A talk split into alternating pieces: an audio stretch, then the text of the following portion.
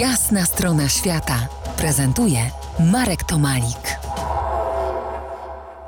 To będzie podróż w przestrzeni i czasie, podróż do kraju, którego już nie ma, do byłego imperium, do Związku Socjalistycznych Republik Radzieckich. Tyle są warte imperia i ich granice, wszystko przemija, że się tak wychylę z taką banalną tezą. To był rok 1989, u nas rok przemian, który pociągnął, jak to mówią, przemiany w innych krajach, ale nie o przemianach chcę Wam dzisiaj opowiadać, a jeśli to o przemianach, jakie ewentualnie dokonały się we mnie.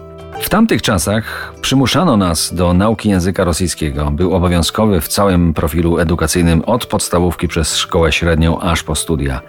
Ja już pani w podstawówce podpadłem, kiedy w książce do rosyjskiego zrobiłem rozbiór Związku Radzieckiego, tak, długopisem na mapie w książce. Nie pamiętam dokładnie, jakie to były strefy wpływów, ale pamiętam, że jezioro Bajko zamalowałem na czarno i napisałem, że to obszar województwa radzieckiego. Dla mnie to był jedynie żart, ale pani od rosyjskiego odebrała to jako potwarz. Znielubiła mnie do ósmej klasy. Skupiając się długopisem na jeziorze Bajkał, nie miałem pojęcia, że 10 lat później mnie tam wywieje i że to miejsce bardzo, ale to bardzo mi się spodoba. Wcześniej było jednak liceum i też pani od rosyjskiego podpadłem. Nie będę rozwijał dlaczego, bo to dłuższa historia. Powiem tylko, że w pierwszym semestrze trzeciej klasy dostałem z ruskiego pałę.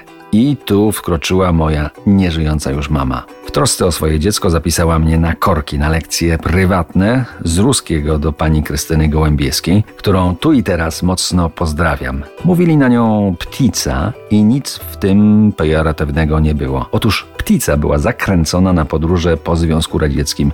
Miała ich wiele na swoim koncie i mi o tym na lekcjach opowiadała. Niestety po rosyjsku.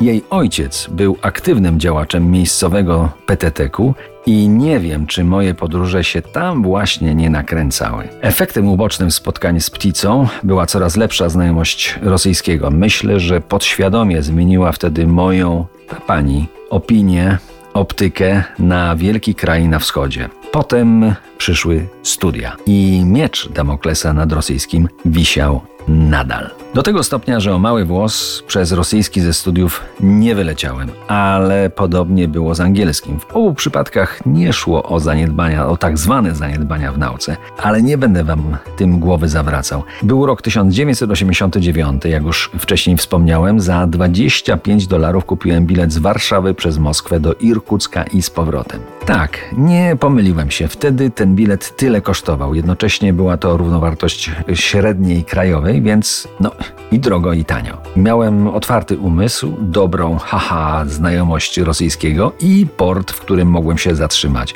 To było zaproszenie od poznanego korespondencyjnie Kosti. Moim celem był Bajkał. Za kilkanaście minut opowiem, jak ten świat radziecki wtedy wyglądał i jak się go jadło. Zostańcie z nami po jasnej stronie świata. To jest jasna strona świata w RMS Classic.